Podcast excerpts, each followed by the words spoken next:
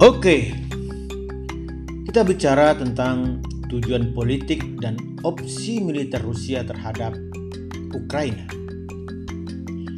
Kremlin menginginkan agar diakhirinya ekspansi NATO, kemudian penghapusan senjata nuklir Amerika dari Eropa, kemudian di sisi lain, Putin juga mempunyai tujuan utama yaitu menjamin Belarusia, Ukraina, dan Georgia untuk tidak akan pernah menjadi bagian dari blok militer atau blok ekonomi selain di bawah kendali Moskow.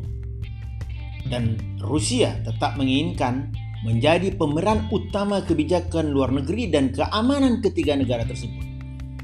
Intinya, invasi ke Ukraina adalah tentang peringatan 30 tahun runtuhnya Uni Soviet yang memberikan kebebasan demokratik ke negara-negara bekas republik etnisnya untuk dapat hidup sebagai negara yang merdeka, berdaulat, atau mereka harus mengakui Moskow sebagai kedaulatan atau mengakui de facto mereka.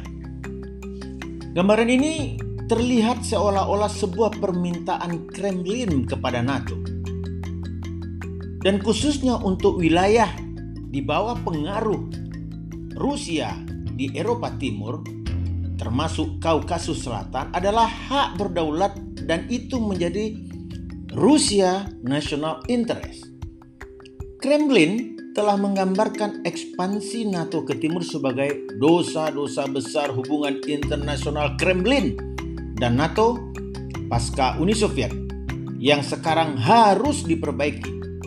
Faktanya, interpretasi alternatif dan masalah keamanan dari negara-negara berdaulat yang sama, Moskow mengklaim bahwa tanpa jaminan seperti itu, Moskow akan menggunakan kekuatan militer untuk melindungi kepentingan keamanan dan kedaulatannya.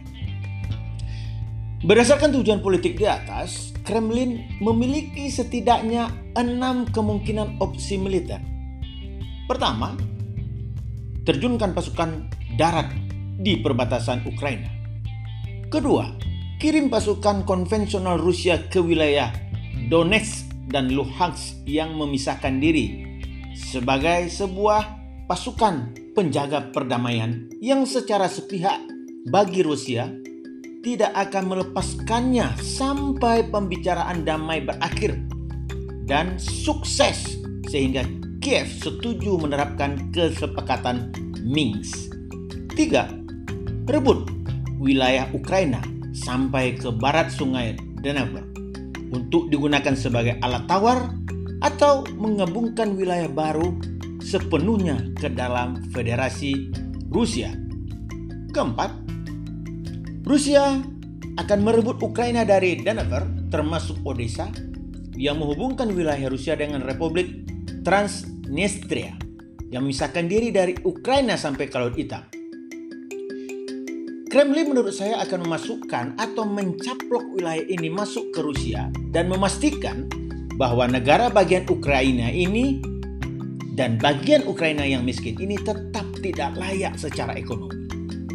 Kelima, dengan hanya merebut wilayah antara Rusia dan Transnistria termasuk Mariupol, Kherson dan Odessa.